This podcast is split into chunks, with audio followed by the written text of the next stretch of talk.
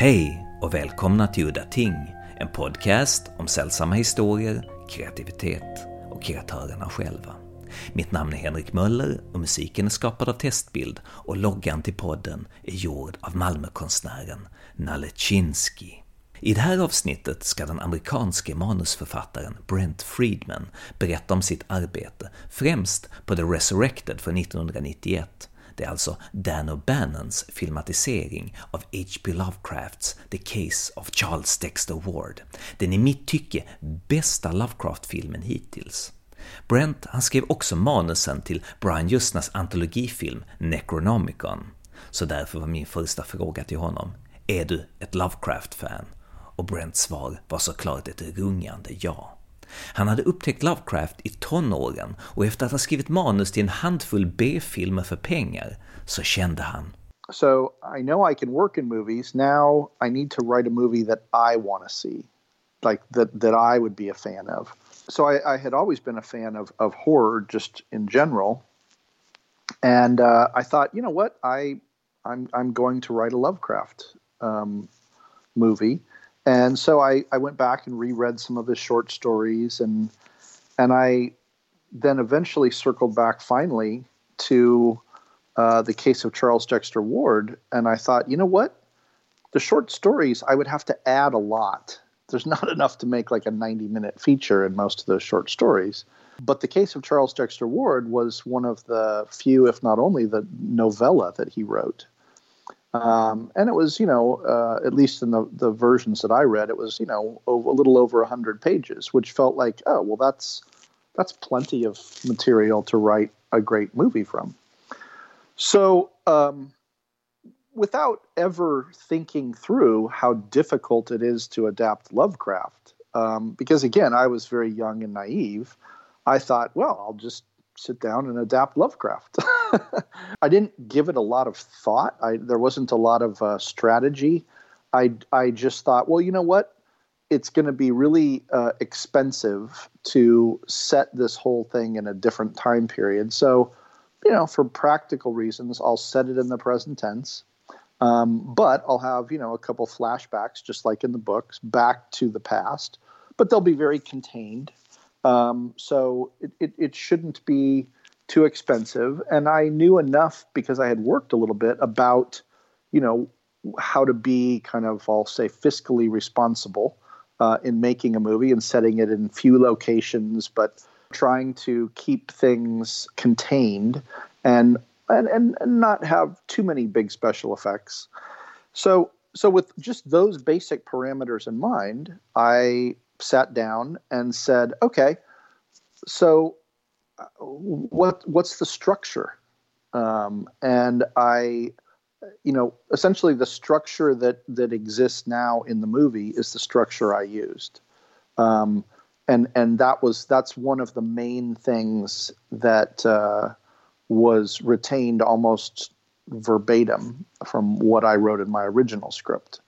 Um, you know, the idea of finding that somebody has escaped, seemingly, uh, from a mental institution, and then flashing back to what happened, and then kind of telling the whole case with kind of you know voiceover, um, leading you through it, and then leading up to the big fateful kind of uh, set piece scene down in the in the the dungeon kind of things with the pits and the the fire going out, and then back to kind of the final the the, the climax facing off against Curwen in the asylum.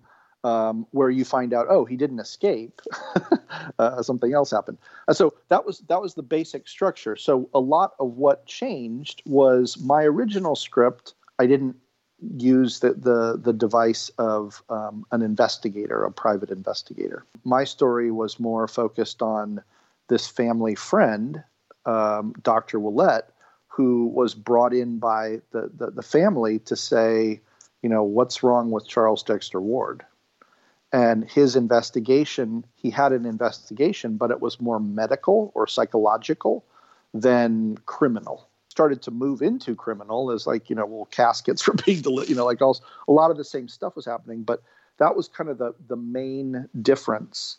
Um, and and Charles, in in my script was not married. Um, he was younger um, and and still kind of living at home um, and doing work out in the kind of garage area. So his parents were very concerned about him, which which I think is much closer to the original um, story. One of the things that I I kind of focused much more on was the madness, which I think is always uh, you know a, a cornerstone of Lovecraft stories. And so my story was about how um, Dr. Willett has a very rational point of view. Uh, and everything is explainable through the mind, not through the paranormal. The story is really about Dr. Willett's descent into his own madness and his own his own complete upending of his worldview, um, where his theory that Charles is losing his mind is true, but it's literally he's losing his mind to an ancestor who's taking over his mind. Loss of identity and um, descent into madness played out very kind of literally and figuratively, like in, into that third act where you know he has to go down into the bowels of the the, the catacombs uh, and and discover what was really going on, and that that all kind of harkens back to the the title of my script was Shatterbrain which was uh, it's it's a mid medieval or Middle English term for crazy. The story had a lot of the same kind of beats. It had you know a lot of the same the flashbacks to the past and whatnot, but it was it was different in that it was much more about this main character's descent into madness. That is very Lovecraft. Does your protagonist go insane at the end of your version? He loses it. He he can't handle it anymore. He goes kind of over the deep end, and then his girlfriend kind of pulls him back, um, and he kind of rallies and decides to go find out once and for all what's going on. Um, and so he doesn't he doesn't actually lose his mind, but at the end of the the story, the last moment I had was his, one of the metaphors that I used was that he has this black medical bag that he takes with him, and that is his kind of stock and trade. That is his um, that is his symbol of science and rationality. And at the very end of the script, um, after he's survived his encounter with Curwen and defeated him, um, the last scene is him walking kind of past the asylum over to the cliff by the ocean and throwing his medical bag off into the abyss because, of course, it's no longer relevant. um, you know, to the strains of Led Zeppelin's When the Levee Breaks.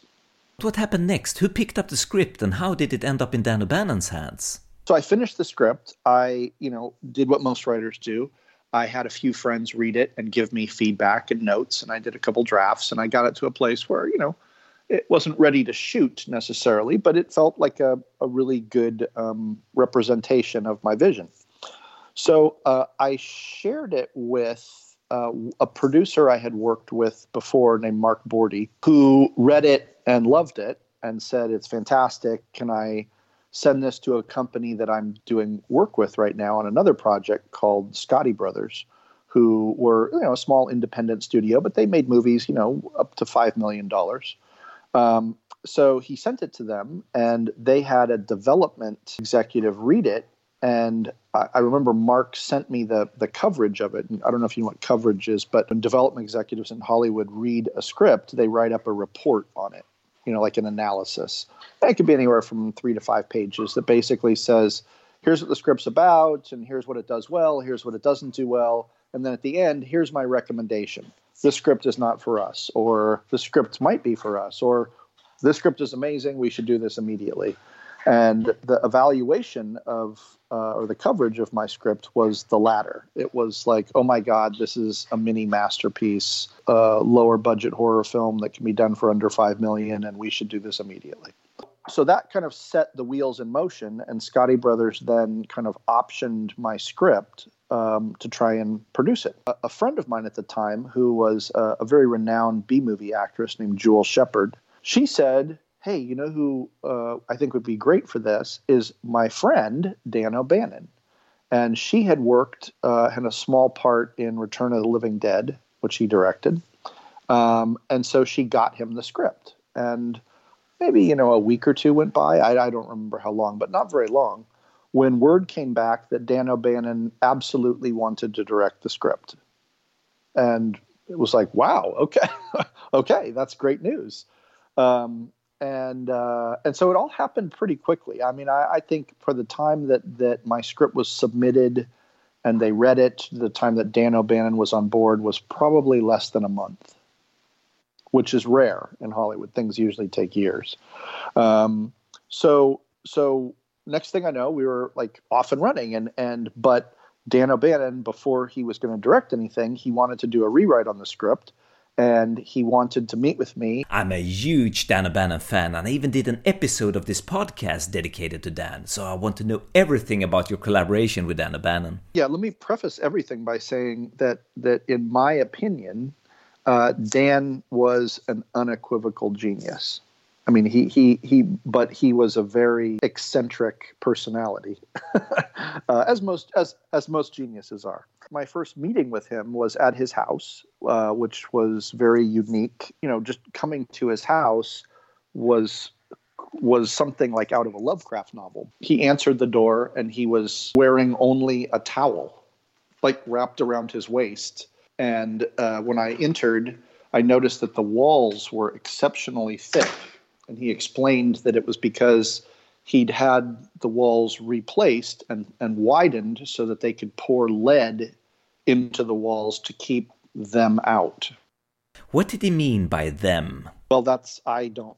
He did never. He never quite explained what them was. But um, as with everything with Dan, he had a very complex relationship with reality. Let's say, you know, when we sat down to to start working on the script, I noticed that there was this strange sound of running water.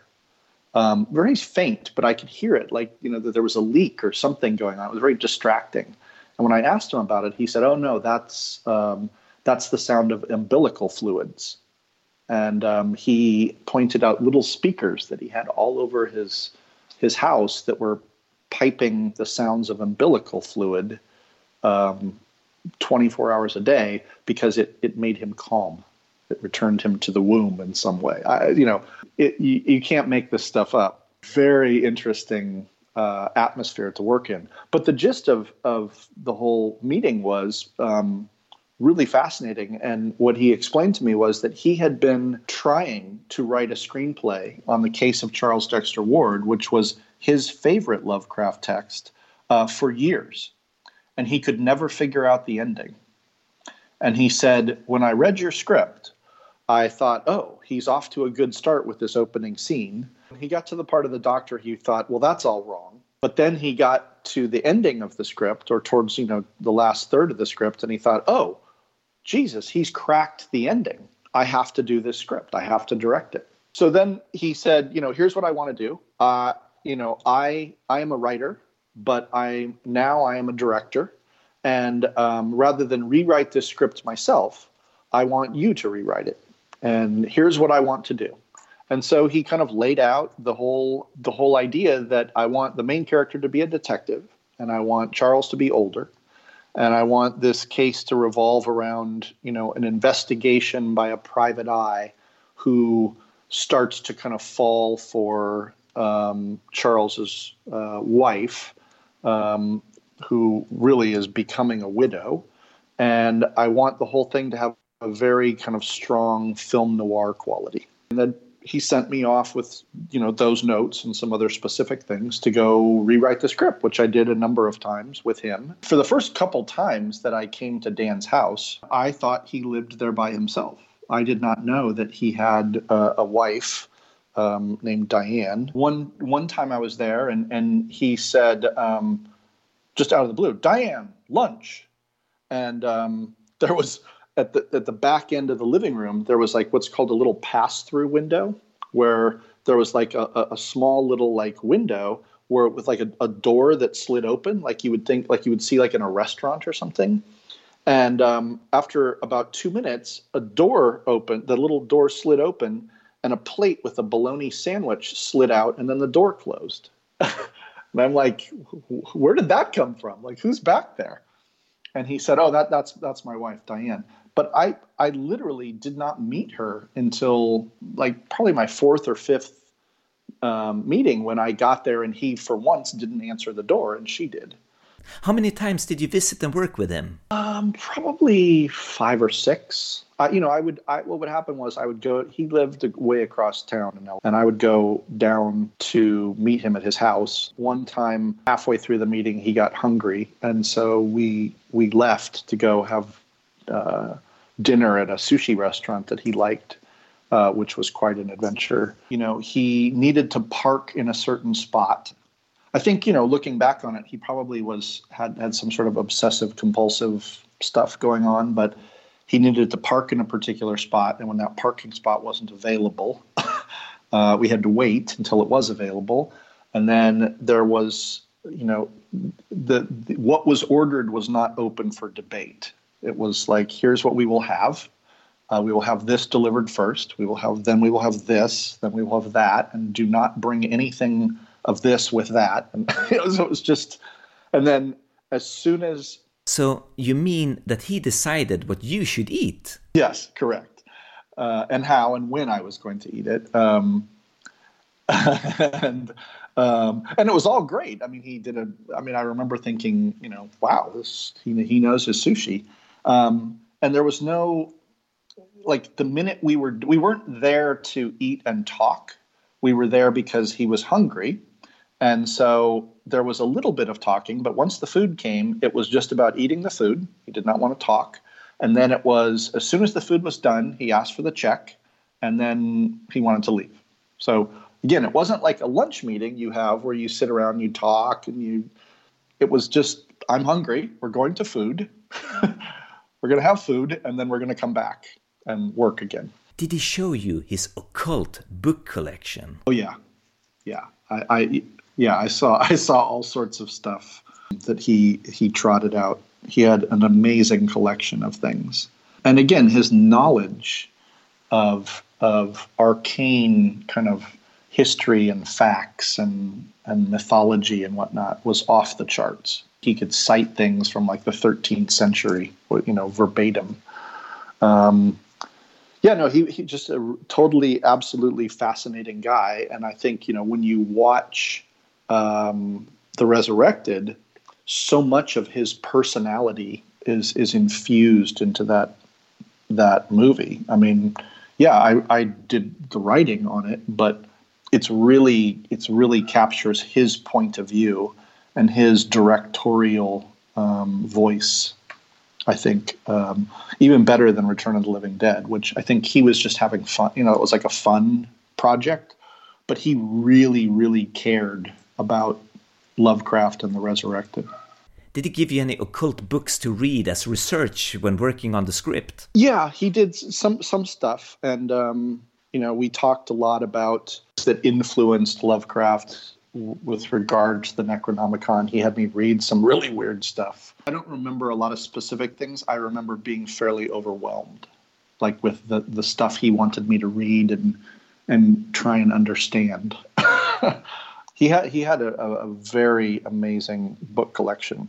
A lot of stuff, you know, with like you know um, gold leaf pages and weird charts and diagrams and I mean stuff that you like literally would think, oh, this is this could be a prop for the resurrected. This could be something that Charles Dexter Ward could be using because you know the, these are the books that Curwen had locked up in a trunk somewhere I think one of my fondest memories was I, am sure you're aware, but he had a he had a chronic stomach problem. At the time, he was on medicinal marijuana to to help him with the pain when it when it got bad.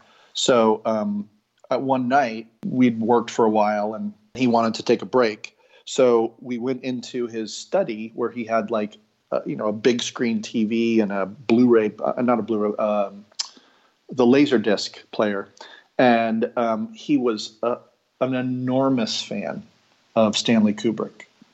And so I remember he said, you know, I want you to I want you to appreciate how great Full Metal Jacket is.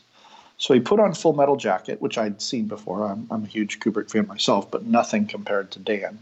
Um, and he sat in the room next to me without looking at the movie, as he was picking the seeds from his marijuana buds very meticulously, um, look, focused on that work, he was giving me audio commentary on the movie the whole time to the second without looking at the movie.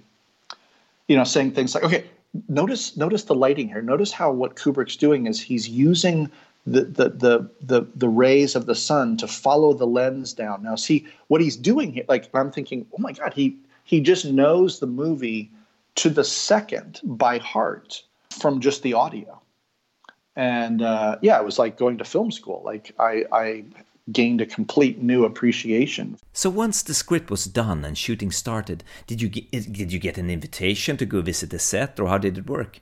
They shot the the movie up in Vancouver. I think there was a there was two or three times when I was invited to go up to the set, and there was two or three times when I was about to go, um, and some other work or something came up that I was too busy to to go. And then the one time I actually had like bought a ticket and was heading up there, there was this massive rainstorm, um, or you know, just terrible weather. And I thought, ah, I don't want to fly in that, so I didn't. So no, I never made it to the set. Um, I talked to the producers every week, um, who gave me reports of what was going on, and and I know I know from you know people that were there that uh, Dan was you know um, having a really hard time physically um, because of his stomach and whatnot, and was you know had a lot of difficulty sometimes getting out to the set, so slowing things down. And but you know they somehow finished on on time and mostly on budget, and um, I I didn't actually see anything until probably two weeks after production had wrapped when they were doing all the editing back in LA. And then I was invited in to see a cut, a first cut of the movie, which is always hard because, you know, first cuts of a movie are always way too long and they don't have any of the audio. Like it's just, it's really hard to look at it and not go, oh my God, this is, this is not working. Um, in fact, I don't think I've ever looked at a first cut of anything of all the projects I've worked on and said, oh my God, this is great. It's almost always like, oh shit, this sucks uh, and then you spend the rest of your time trying to figure out well how to how to make it watchable. So then, did you see Dan's original 180 minute cut? I mean, the first cut I saw was was the director's cut, and then the the producers asked me, and I think there was at some point there, you know, they they had a falling out, and Dan's health wasn't great, and the producers realized they they wanted to change some stuff in order to deliver the film that they had been paid to deliver. Um, and so that's that's when essentially there was Dan's cut, and then the producers decided they were going to do their own cut. Then they brought me in to try and help kind of piece things back together and write what's you know what ADR dialogue is. Yeah, ADR is uh, additional dialogue recording. So it's like when you when you write something like a shot over some the back of somebody's head, and you know you hear the dialogue well that's what i was thinking you know and it's like it, that is that was never written. Uh, it's it's a piece that you have to put in because of the way the scene is cut. You need like a little piece of dialogue to before you cut back to the person's face to kind of set up where you're cutting into the scene. So it's like doing like little kind of post-production surgery. Um, and so i did a number of of um, things like that uh, with the producers to try and you know help stitch together the cut that they wanted. Um, that was you know I mean I I think that their version of the movie was probably 80 85% of maybe what Dan's was. There was a few fundamental differences, but um, generally speaking, it was it's the same movie. There's a few things that I think you know I, I kind of admire from a directorial standpoint that that got cut out. But I think that the I think the the major element that's different is Dan really wanted to retain that love story between March and uh, Mrs. Ward, Claire. That part of the story was the least interesting, and it, I think it was the least effective because you didn't really feel the chemistry between those two actors. I think the producers were correct in saying we need to kind of omit those elements. So I think that that was the main thing I felt like, you know, nah, that that all stuff needs to go and then that makes the film tighter and it makes it more focused on just the case. Over the years, I've actually in many cases started to agree with the producers in their decision to cut films. I had a discussion with a friend if we could name any major motion picture where the director's cut is actually better than the original theatrical release, and we concluded that Blade Runner was the only film we could think of.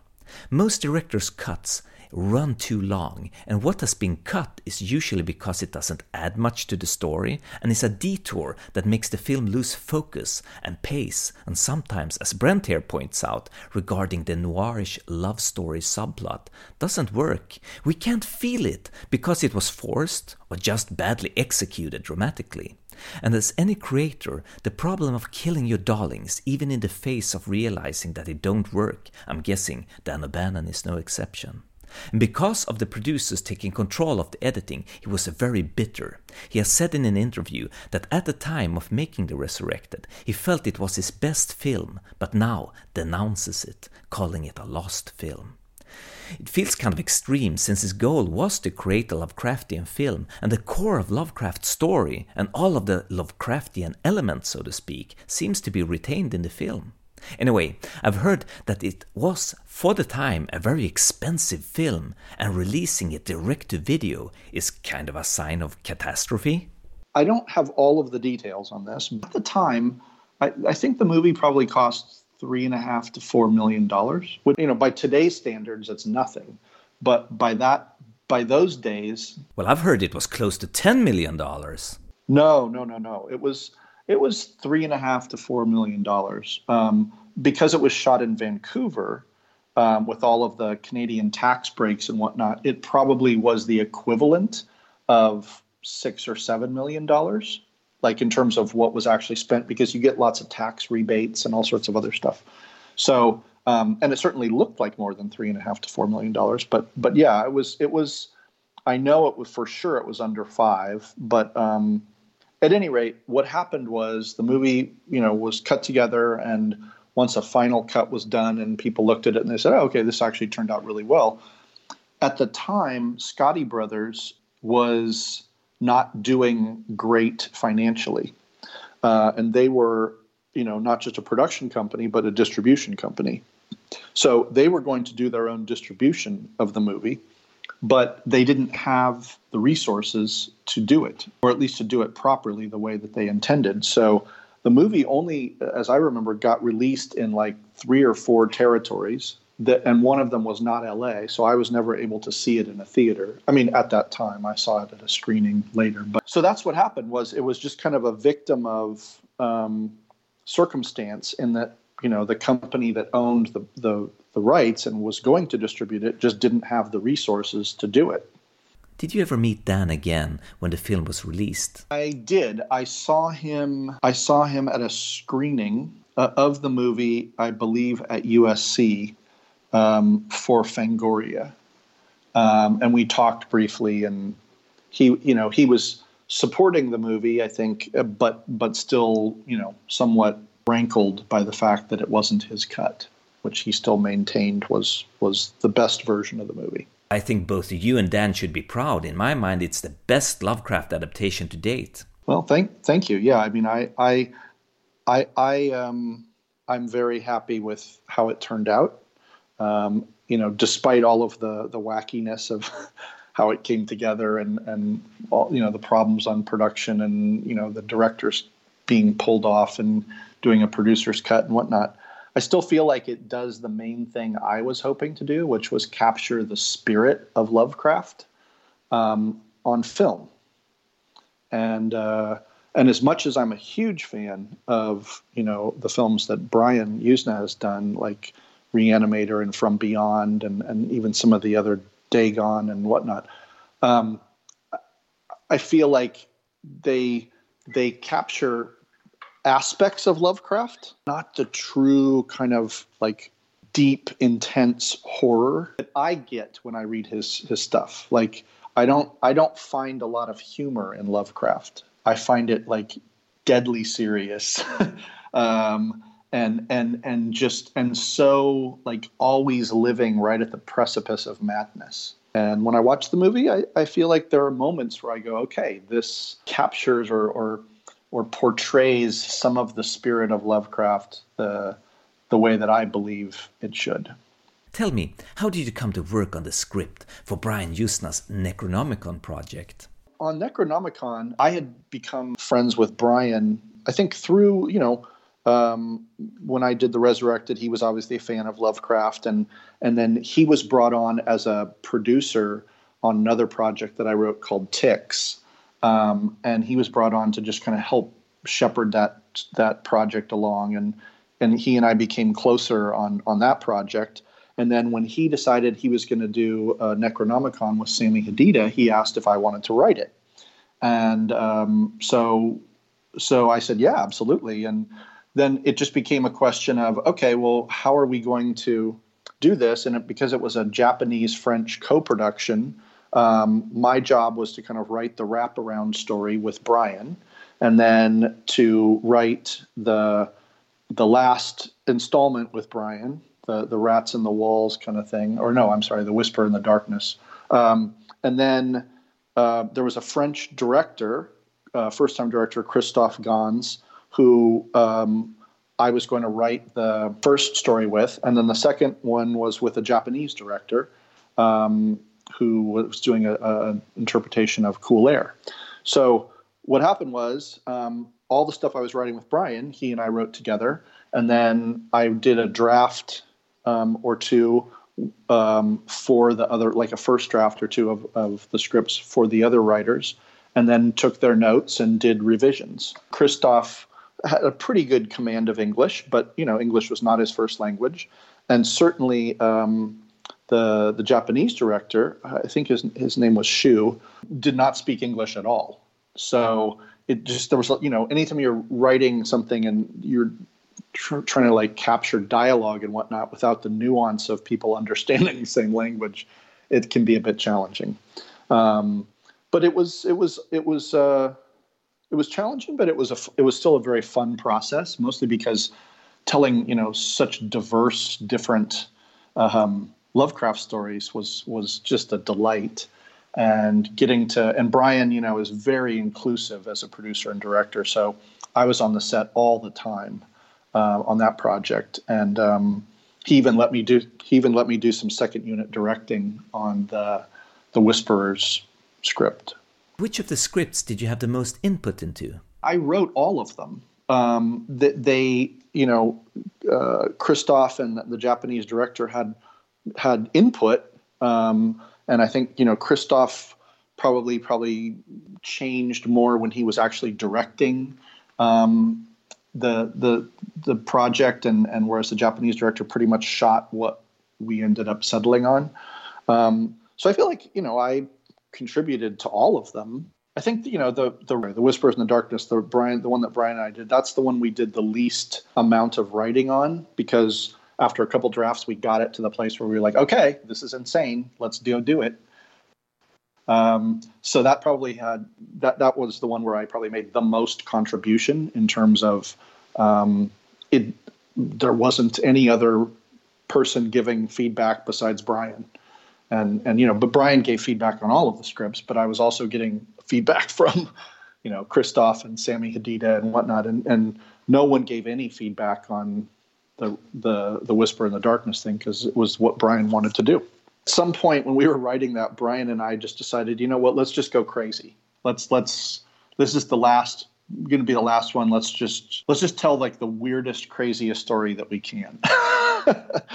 uh, and so you know that that script is insane. I, I, personally think it's just insane. I mean, in a kind of a good way. But Christopher Gans told in an interview that the original script for his episode of Necronomicon was very much close to the story Rats in the Walls. I, I don't think that's I don't think that's entirely true. I think what Christophe did was when he directed it, he made it much more melodramatic, um, and he he heightened certain elements of it. But um, my recollection was that the original draft of the script or the early drafts of the script were pretty much the same story. they all they all have their you know points of of deviation. I think Cool Air may be the closest, but even that is still you know it it it it, it has a, a completely different quality, and certainly Whisperers in the Darkness couldn't be more different. Um, so the idea was again to use the the Lovecraft stories as a point of inspiration to tell these sh- to do these short little films. Yes, I guess all of the stories are closer to the role playing game Call of Cthulhu than Lovecraft stories, which is interesting because once someone pointed out to me that the role playing game is much closer to August Derleth's adventure versions of Lovecraft stories. And the same thing, I guess, applies to most Lovecraft films. I would, I would, I would agree with that. Yeah, very good observation. Om någon vill veta mer om Dan O'Bannon, manusförfattaren till bland annat den första Alien-filmen, så kan jag rekommendera Udda Ting avsnitt 3, som är dedikerat just till Dan O'Bannon. Det finns även ett avsnitt dedikerat till Brian Jusna, där han berättar själv då om Necronomicon-projektet. Ja, och med de orden så var det slut för den här gången. Mitt namn är Henrik Möller, musiken är skapad av Testbild. Hej då!